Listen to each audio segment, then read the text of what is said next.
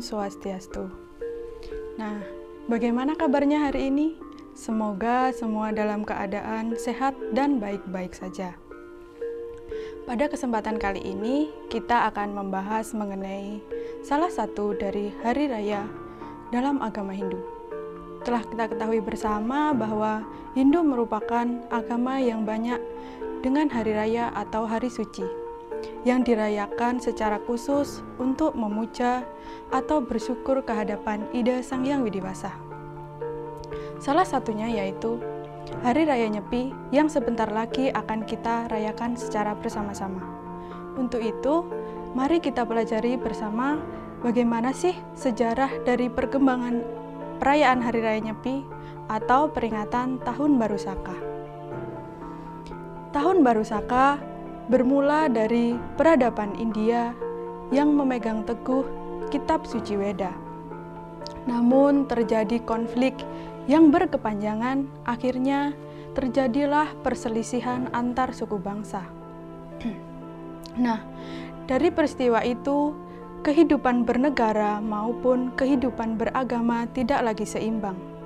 Suku-suku yang bertikai antara lain yaitu suku bangsa Saka, suku bangsa Palawa, suku bangsa Yuehji atau disebut dengan negara Cina, suku bangsa Yavani atau Yunani, dan suku bangsa Malawa.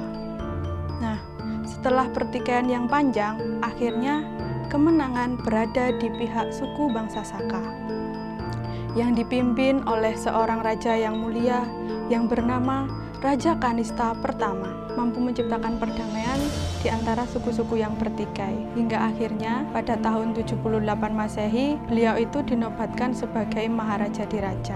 Dan untuk memperingati hari penobatan tersebut, tahun 79 yaitu awal dimulainya perhitungan tahun Baru Saka. Tahun Baru Saka diperingati sebagai hari kebangkitan, hari pembaruan, hari persatuan, dan hari perdamaian karena suku bangsa Saka mampu menegakkan ajaran Dharma dan mampu menyebarluaskan ajaran Dharma hingga ke negara-negara Asia. Salah satunya yaitu Indonesia. Setelah peradaban India atau ajaran-ajaran agama Hindu diterima di Indonesia yang dibawa oleh seorang tokoh Cisaka, maka di Indonesia itu mengalami perkembangan. Mereka masyarakatnya mulai mampu mempelajari kitab-kitab suci dan mengenal aksara. Lalu jauh lebih dari itu berdiri pula kerajaan-kerajaan Hindu yang ada di Indonesia, yaitu seperti Kerajaan Kutai yang berada di Kalimantan Timur dengan rajanya yaitu Mula Warman. Kerajaan Kutai meninggalkan tujuh buah prasasti yang bertuliskan dengan bahasa Sangsekerta dan di sana juga terdapat angka tahun Saka. Lalu berdiri juga kerajaan di Jawa Barat yaitu Kerajaan Tarumanegara dengan raja yang pimpin yaitu Purnawarman. Di Pulau Sumatera juga terdapat kerajaan yang sangat besar dan tangguh yang terkenal dengan armada kelautannya yaitu Kerajaan Sriwijaya. Dapat pula Kerajaan Mataram kuno satu buah prasastiskan angka tahun 654 Saka.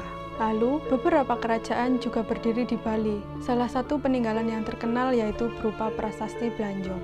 Nah, di Jawa Timur juga terdapat beberapa kerajaan, di antaranya yaitu Kerajaan Kediri, Kerajaan Singasari, dan Kerajaan Majapahit. Kerajaan yang terkenal pada masa kejayaannya yaitu Kerajaan Majapahit karena Kerajaan Majapahit meliputi wilayah kekuasaannya yaitu seluruh Nusantara. Di dalam kitab Negara Kertagama yang ditulis oleh Empu Prapanca pada masa kejayaan Majapahit disebutkan bahwa pada bulan Caitra diperingatilah hari keagamaan untuk meningkatkan moralitas masyarakat yang disebut dengan perayaan Tahun Baru Saka.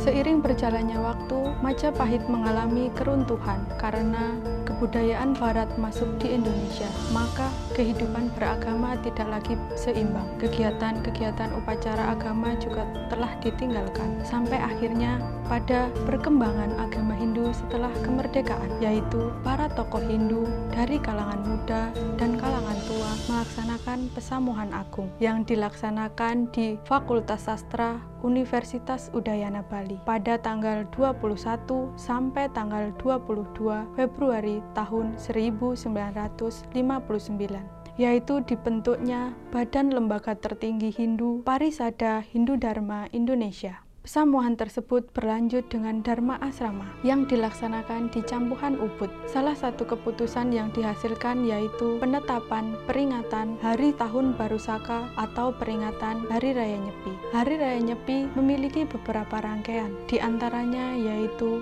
Melasti atau penyucian diri Buana Ali dan Buana Agung. Yang kedua yaitu upacara Taur Kesanga yang ditujukan kepada butayatnya ditandai dengan arak-arakan ogoh-ogoh Lalu rangkaian yang ketiga adalah catur berata penyepian yang dilaksanakan oleh umat Hindu di rumah masing-masing. Selanjutnya, yang keempat adalah upacara ngembak geni, merupakan persembahyangan bersama yang dilaksanakan oleh umat Hindu di suatu tempat suci atau pura. Rangkaian yang terakhir atau yang kelima yaitu Dharma Santi. Dharma Santi merupakan bentuk atau wujud silaturahmi yang ditandai dengan saling memaafkan antar umat Hindu untuk membentuk kerukunan dalam kehidupan bermasyarakat. Demikianlah adik-adik dan teman-teman semua sejarah daripada perayaan Hari Raya Nyepi serta rangkaiannya. Semoga kita dapat melaksanakan dengan tertib dan bermanfaat bagi kita semuanya saya akhiri dengan puja Paramasanti. Om Santi Santi Santi.